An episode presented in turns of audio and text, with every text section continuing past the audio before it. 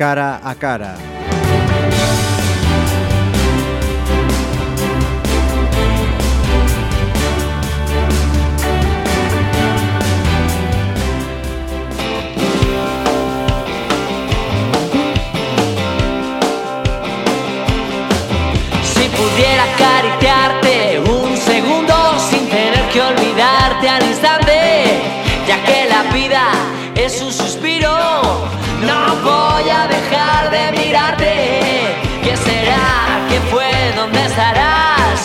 Somos? ¿Qué fuimos? ¿Dónde estamos? En este mundo del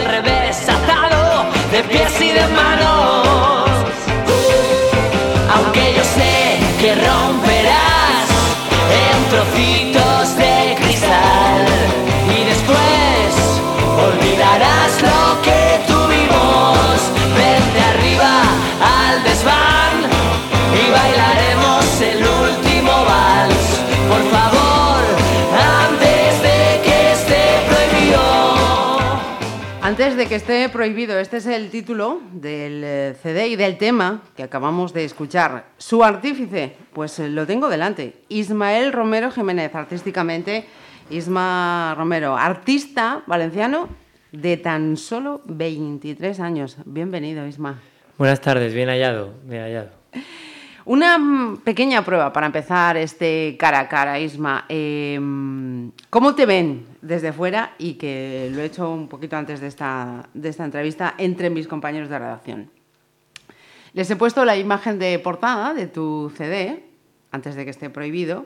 Es una imagen en blanco y negro, vistes una camiseta de asas blanca y apoyas la barbilla en la caja de tu guitarra acústica. Les he preguntado, a primer golpe de vista, ¿a quién os recuerda? Mira qué respuestas me han dado. A Little Richard, a Prince, a Jim Morrison, a Jimi Hendrix, a Willie DeVille. ¿Cómo te ves tú? Hombre, me veo muy guapo ahí. que me digan esas cosas. Nada, me veo. Pues me veo ahí en una. Eh, o sea, ahora, que veo la, mm, la foto de portada de. Que esa. Justamente esa foto tendrá como seis años, fácilmente seis, cinco años. em, pues tenía 19 años y. Y sigo siendo un chaval, pero era aún más chaval, ¿no? Era un adolescente más. O sea, más cercano a, a la infancia de, de la fantasía musical y, y la verdad que es una foto que refleja ese momento de, de ese primer disco de, de actitud, ¿no? De, de rebeldía contra el mundo, contra las cosas y la, la ansiedad de demostrar, ¿no? De demostrar lo que tenía preparado, porque con un primer disco siempre tienes esa- ansiedad de, de sacar todo, ¿no? Que la gente, yo estoy aquí, es un poco la ansiedad de todos. Y esa foto creo que es muy clave, ¿no? O sea, la mirada es hacia, hacia ningún lugar porque no está mirando a la cámara. Y es eso, el momento de, de pensamiento. Eh, en tu web oficial, he estado echando un vistazo, se dice o dices que con 10 años ya empezaste a tocar la guitarra de manera autodidacta. ¿Cómo, por qué, en qué circunstancias llega esa guitarra y por qué dices, mm, quiero aprender? Pues eh, el motivo de por qué empecé a tocar fue por querer ser guitarrista, ¿no? Porque me gustaba em, la idea de, hacer algo que estuviera fuera de, lo social, de lo, de lo de lo que te hacen hacer, ¿no? De lo, de lo impuesto, quizás. Y era como una forma de estar libre, ¿no? Era como la libertad. Estar tocando era en ese momento en el que te sentías tú, en el que empezabas a como a comprenderte, a tener tu propio lenguaje, ¿no? A vivir en tu burbuja, ¿no? Tu mundo. Con 10 años. Sí, y era como el rollo de, de hacer cosas que no, no, que no te molan, ¿no? Que, o sea, como evadirte de esas cosas. Y, y empecé a tocar, empecé a, descubrir también mi padre, las cintas con las que me crié fue, por ejemplo, con Queen, con Dire Straits, con, con eh, Led Zeppelin, con mucha gente, ¿no? Que ha sido referencia mía y como intentar imitar cosas que salían en la tele, pues todo, todo empieza por una imitación, ¿no? Hasta nosotros hasta la especie humana pienso que ha imitado toda su vida gestos para, para, ser, para ser lo que son ahora, ¿no? La música es algo igual, es una evolución y es un constante eh, reciclaje. Y empecé eso, imitando a, a toda la gente hasta que, hasta que, bueno, pues vas encontrando tu identidad que creo que nunca la llegas a encontrar, ¿no? Ujú. Porque eso es lo bonito. Con 15 ya tenías 15 clara ya me- esa me identidad monté- que fue cuando empezaste a, a me componer y el primer grupo, ¿no? mi Cuéntanos. primera banda y ahí fue cuando eh, bueno pues descubrí la parte con la que me he quedado con la que me he visto muy identificado que es componer canciones con la que contar cosas no y ese es un poco como ir al psicólogo eh, pero como tú solo no como decir todo lo que sientes todos tus miedos Sin que haya una segunda persona delante. Claro, es un poco como ir al psicólogo y contarlo, cantarlo y expresarlo. Aunque muchas veces, debo decir, eh, por lo menos personalmente, no somos conscientes de, de lo que estamos escribiendo hasta que pasa un tiempo y dices, joder, me refería a esto. Es- es, una, como es un estado tan, tan elevado, ¿no? Tan mágico, tan... tan O que lo que escribes hoy lo ves desde un punto de, vista, una así. perspectiva y con el tiempo. Pero como estás en ese momento tan así que no te estás, o sea, que estás tocándolo y cantándolo y, y tan- con tantas cosas en la cabeza, que cuando pasa el tiempo dices, jolín, me sentí así o veía esto y después es que lo ves de otra forma. Entonces es todo tan bonito que es como la vida misma, ¿no? Entonces dije, pues quiero mm, dedicarme a, a ser, a ser lo que quiero ser, ¿no? A ser yo, porque finalmente la música es algo que es tan vocacional, o sea, tan personal lo de componer canciones. Bueno, es- tan vocacional y que te arrastra. O sea, en- Y eres tú, Debes llevar aquí como 15 minutos y, y no has parado la guitarra. O sea, es como Claro. mm, una, un tercer brazo. Es tu forma. Sí, sí. Tu forma de, de ser. Isma, cuéntanos, ¿cómo fue esa experiencia de piso 16? Eh, ¿Tuvo un comienzo? ¿Tuvo un final? ¿Cómo se produce? ¿Por qué? Y decides eh, liarte la mano a la cabeza y decir, dejo Valencia y luego me voy a, a Madrid. Vamos por partes. Primero Claro. esa etapa Sí, piso sí, sí. 16. Pues fue, eh, nada, pues eh, mi pueblo, en Benetúser, allí en, en un pueblo de la Comunidad Valenciana, pues empezó todo, ¿no? En una planta baja al lado de, de la peluquería de mi madre, pues ahí es donde tocaba, donde investigaba, donde creía que estaba tocando para 2.000 personas y me creía ahí pues mi- mis movidas. Entonces decidí pues eh, montarme una banda con la que era difícil, era difícil encontrar porque allí pues no había gente de, con las mismas prioridades vitales o formas de, de- de vivir para dedicar. Entonces pues iba buscando gente más mayor, gente hasta que formé con varias formaciones piso 16 que al fin y al cabo era yo. O sea, no por, por temas de egos ni mucho menos, sino porque yo era el que monté eso. ¿sabes? Era el que tuve la iniciativa de formar. No fueron cuatro amigos que se, se conocieron. Arrastraste tú al resto. Ah, fui el, el culpable de, de juntar. Gracias a eso, pues fui conociendo a gente y fui haciendo canciones, maquetas. Y me autoproducí una gira por España. Hicimos más de 100 conciertos, garitos.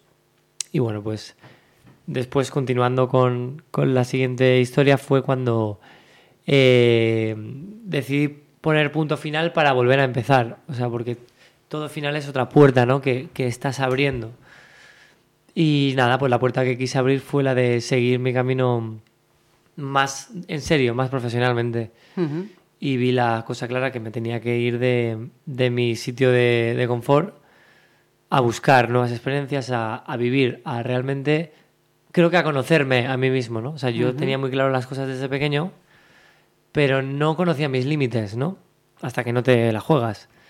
Y dije, pues me voy, me voy con 200 euros y sin trabajo, porque no he estudiado en mi vida, o sea, he estudiado la ESO y tal, pero me voy a, a ver, a vivir, ¿no? A, como, como diría Leño, ¿no? Maneras de vivir, o sea, a, a buscarme la historia y, En plena así crisis, fue. además. Plan, me fui en el peor momento. Sí, de, sí, sí, del- sí. O sea, ahora la cosa está mal, pero no nos podemos quejar. Está Estamos ahí. ya empezando a asomar la cabeza, Claro, eso fue el peor momento. En Y esa etapa cómoda, perdona Isma, en esa etapa cómoda fue donde conociste y donde aprendiste de Jorge Lario. Sí, eso, que, eso que fue, antes, fue guitarrista antes. de Revolver, fue antes. Eso fue cuando eh, me apunté a, la- a clases de guitarra con 11 años, eso fue, 11, 12. Bastante antes. Sí, sí, antes de montarme, la- antes de todo. Y, ahí fue, que- a- a- o sea, aprendí mucho en la academia esta que hay en Valencia, que aún sigue estando y la recomiendo. Que, bueno, pues una academia de músicos excelentes y gente que, bueno, pues invocaba ahí el gusanillo de, de tocar y sobre todo muy, muy buen aprendizaje Ajá. sobre ello. Como decíamos, en plena crisis, en ese momento gordo, dejas Valencia, te vas a Madrid y conoces a una persona, creo que por el momento mm, parece fundamental en esa nueva trayectoria profesional que es Candy Caramelo. Ha sido bajista, recordamos, de Calamaro, de Fito, de Ariel Roth y dice que, que te produce tu primer disco.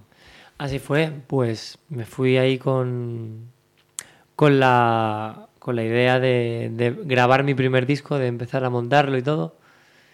Y mi sueño era pues eh, grabar ¿no? con esos músicos, porque yo siempre he sido muy fan de los músicos de este país, porque hay muy buenos músicos. He sido fan de los artistas y de los músicos, porque creo que todo tiene su, su premio, ¿no? Y nada, y así fue. Candy le gustó mucho las canciones y de hecho fue su primera producción. O sea, fue su primera producción frente a, a un proyecto que empezaba. Y nada, pues me metí ahí y, y también pues los astros no se juntaron y, y también pues fue el niño Bruno, el batería de, de Fito, de la cámara mecánica de, de todos. Y se metió también en la historia Diego García, el tuanguero, que es uno de los mejores guitarristas del mundo. O sea, a nivel mundial tenemos en España uno de los mejores guitarristas que ha tocado con, mucha gente internacional.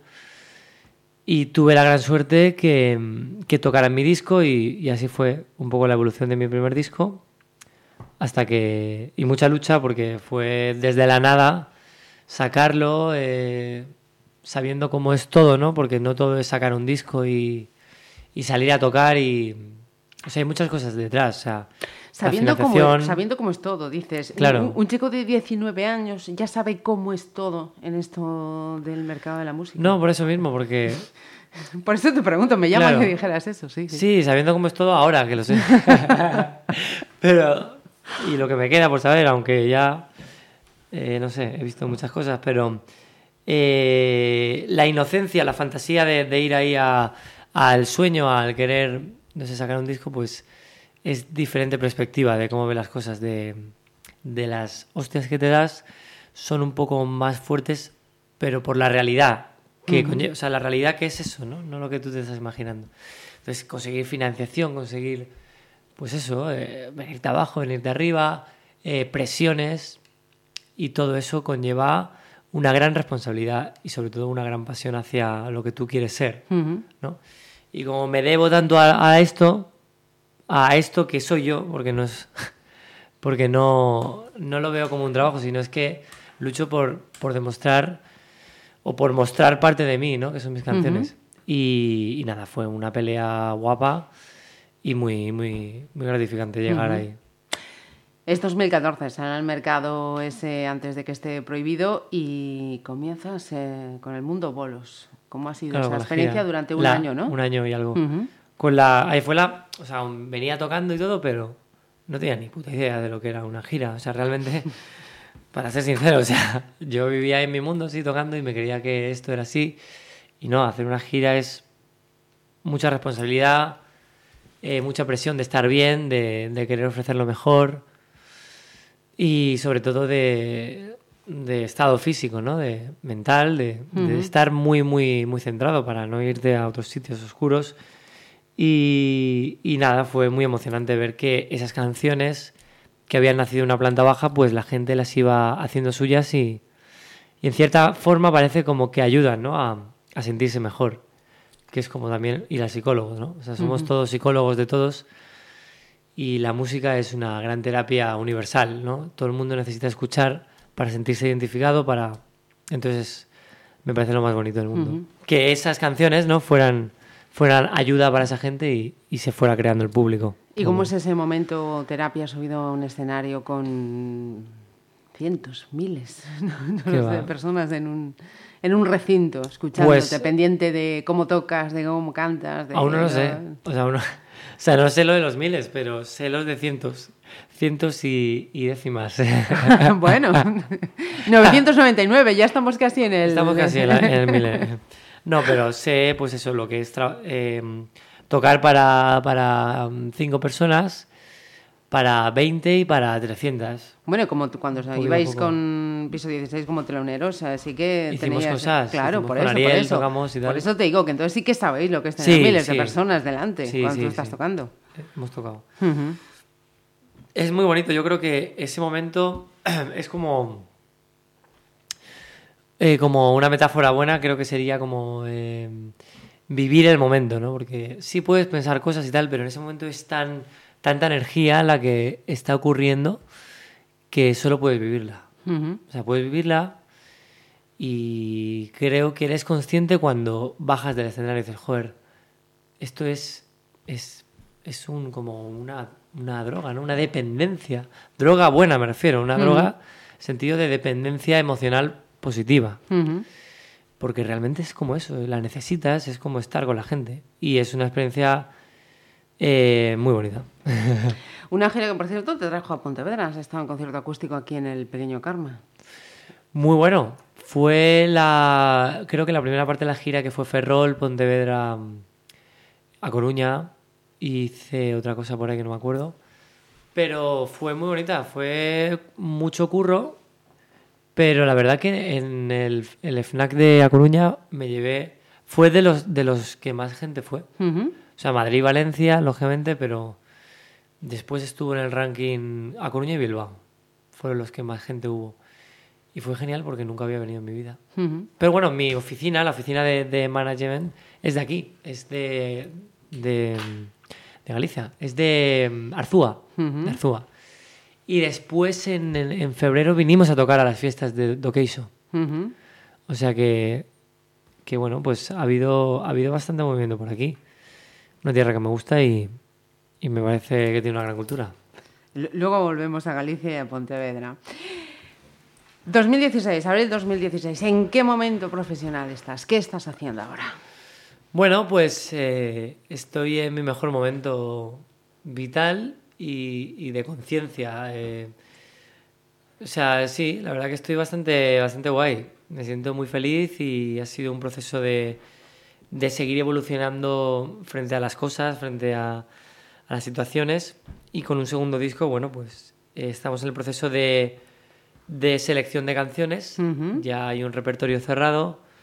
Estoy trabajando con la banda con la que he girado este año, o sea, ya cierro una etapa en la que Candy pues ha sido un gran apoyo y me llevo una gran experiencia y, y sobre todo gran eh, grandes grandes momentos, ¿no? Y ahora pues he decidido hacer este disco como una nueva etapa, pero no etapa artística esta que se te va la olla, sino etapa, etapa vital de esto de, de artistas que... Es una etapa vital real de, de, de lo que es grabar un disco con tus amigos. O sea, voy a grabar mi, mi primer disco con mis amigos. O sea, empieza mi, mi etapa. Yo siento que mi primer disco empieza ahora. Porque es como... Has hecho una gira, ya sabes un poco de... ¿De qué va esto? De, de qué va esto y es como... Eres más consciente de lo que estás haciendo. El primer disco eh, también lo grabé con una banda que para mí eran mis ídolos y lo siguen siendo, pero no es tan... No es tan, ¿sabes? Yo sé lo que quiero decir. No lo sientes tan tuyo, ¿no? Claro, O sea, te- porque- Te viene de fuera dado a ti no eres tú el que dice, ahora Estoy- soy yo el ahora que elige estoy, esto, yo esto". estoy muy pendiente de las canciones. Las canciones están más redondas porque he trabajado mucho en ellas. Vamos a, a estar con un productor diferente, impresionante y, y es una etapa muy bonita. Una etapa muy bonita. De momento Y no podemos dar No puedo dar nombres nombres. No puedo dar nombres, pero es un tío que ha trabajado. Es un productor internacional. Es un tío muy, muy, muy importante. De hecho, ya, ya hemos tenido contacto, hemos trabajado con él. No será eh, un tal Alejo. No, no, no. No, no, no va por ahí. Pero por ahí está la cosa y, y, bueno, pues estamos trabajando, estamos trabajando. No puedo decir nombres porque sabes que estas cosas Sí, sí, cambian Y, y estamos en un proceso aún de, de meternos al estudio y tal. Sí que puedo decir lo que estoy diciendo porque hemos trabajado con él ya, o sea, hemos maquetado, hemos ensayado, entonces ya hay una conexión. ¿El estilo también lo vas a variar, Isma? Sí, ¿O este disco es muy, muy, rock- muy rockero, es un disco rockero. no rockero porque diga que soy canalla y tal, sino es un disco de consistencia, de canciones bastante eléctricas, de rock and roll guay, de, de 70, 80, de Tom Petty, de los Traveling, de, de, de Beers, de la Creedence, disco de corear, de, de mucha melodía. Es un disco así. No es tan eh, argentino como había el primer disco que es Argentina, de Rodríguez y tal. Es más, pues, pues un chaval de 23 años. Eh, No está nada mal y además, eh, fíjate, yo estaba leyendo eh, esta mañana, pues eso, preparando esta entrevista y leí uno de los artículos en los que hacían eh, referencia a Urrutia, fue a verte a un Jaime. concierto y la verdad es que los elogios eh, que señalaba de ti mm, son para sentirse más que orgulloso, ¿eh, chaval? Jaime es, es un gran amigo. Ujú.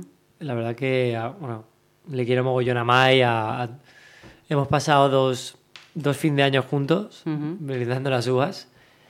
Y, y yo Jaime le quiero mogollón. Desde el principio me ha, me ha apoyado mogollón.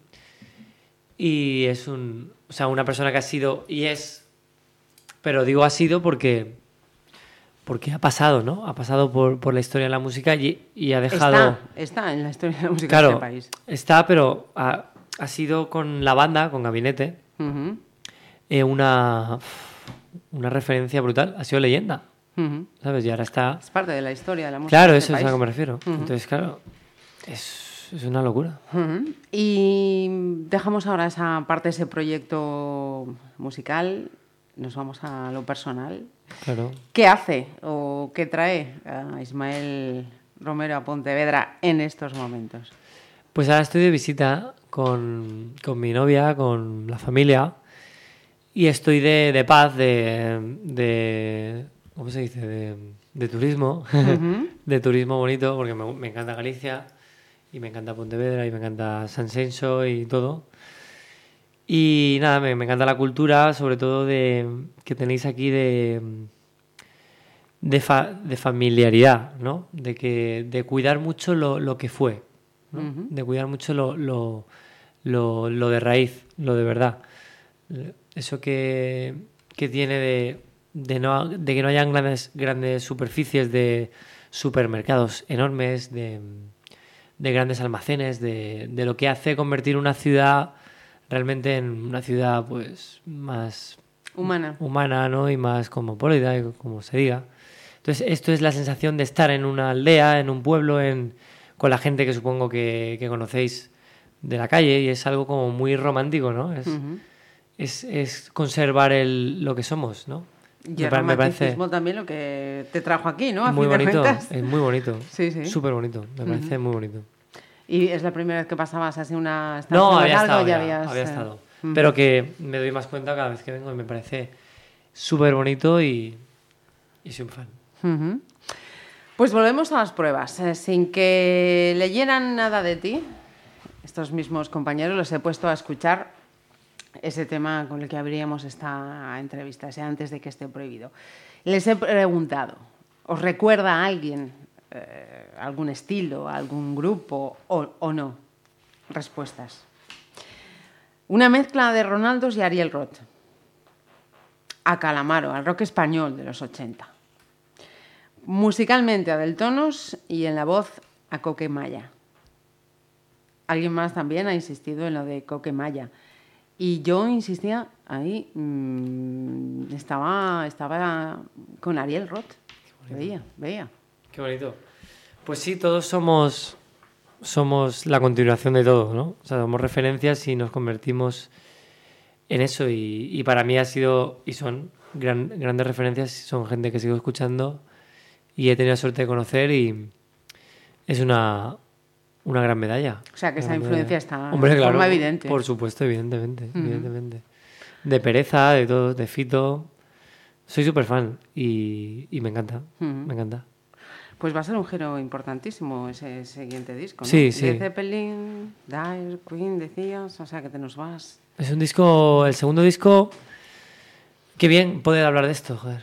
Porque, porque últimamente, ya en las últimas entrevistas, ya so- claro, me decía el manager de la oficina, no, no puedes hablar. Es que hablas mucho del segundo. Es que ya tengo ganas. Porque ya estoy hasta los huevos. De primero ya llevo toda mi vida, ¿no? Con el Es una etapa ya Claro. que hay que mirar hacia adelante. Y ahora ya tengo que hablar de esto. Entonces me gusta. Y sí, pues es una, una etapa que, bueno, una etapa muy bonita con la que se va a ver grandes cosas y con la que tengo esa incertidumbre de, de ver que creo que la gente va a ser un disco que creo que va a ayudar, va a ayudar. O sea, esa es mi intención. Y nos puedes poner una fecha para cuando lo tenemos ahí ya. Para después de verano queremos sacarlo. Después de verano. Sí, septiembre, octubre vamos a salir de gira, seguro. Ya sabes que tenemos música en streaming. Hombre. Queremos estar escuchándolo. Por ¿Sí? supuestísimo. Y vendré aquí, vendré aquí a presentarlo. Lo quiero. Pues eh, no quisiera que te fueras sin que nos tocases así algo. Claro. ¿Qué va a ser? Cuéntanos. pues vamos a hacer aquí mi banda y yo. Eh, pues un tema de de mi primer disco. Pues se llama La última del baile.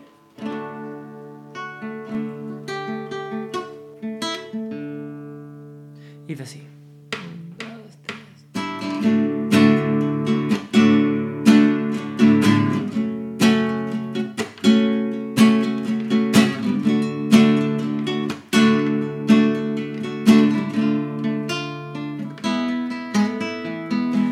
Deja que te quite la ropa, aunque sea esta la última vez. Deja que el sol nos coja, aunque después no te vuelva a ver. No dejes pasar la vida y abre los ojos, Cenicienta, que te has quedado dormida, que te has quedado dormida. Siempre la última del baile, perdiendo el control. Otra noche se esfumó. Tú, reina de la noche, historias de rock and roll, escritas en aquella canción. Sueña con tener otro en su lista, alma de papel.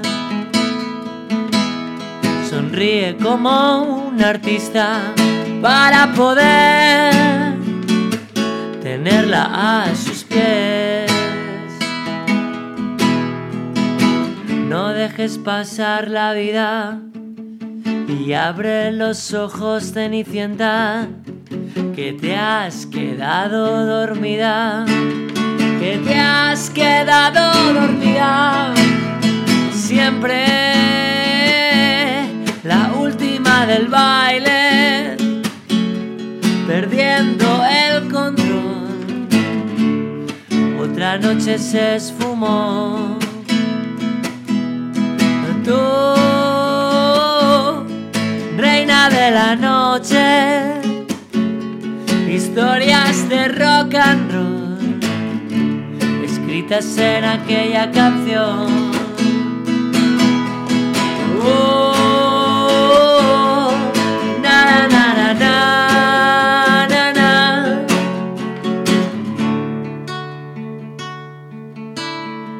Fuiste del baile. Na, na, na, na.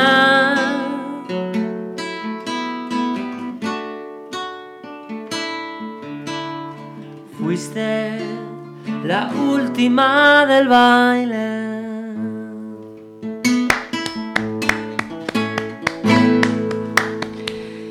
Esto es un lujazo. Esto es un lujazo. Y no lo voy a estropear diciendo nada más. Isma, muchísimas gracias y te esperamos para el siguiente disco. Por supuesto, aquí estaré. Muchas gracias.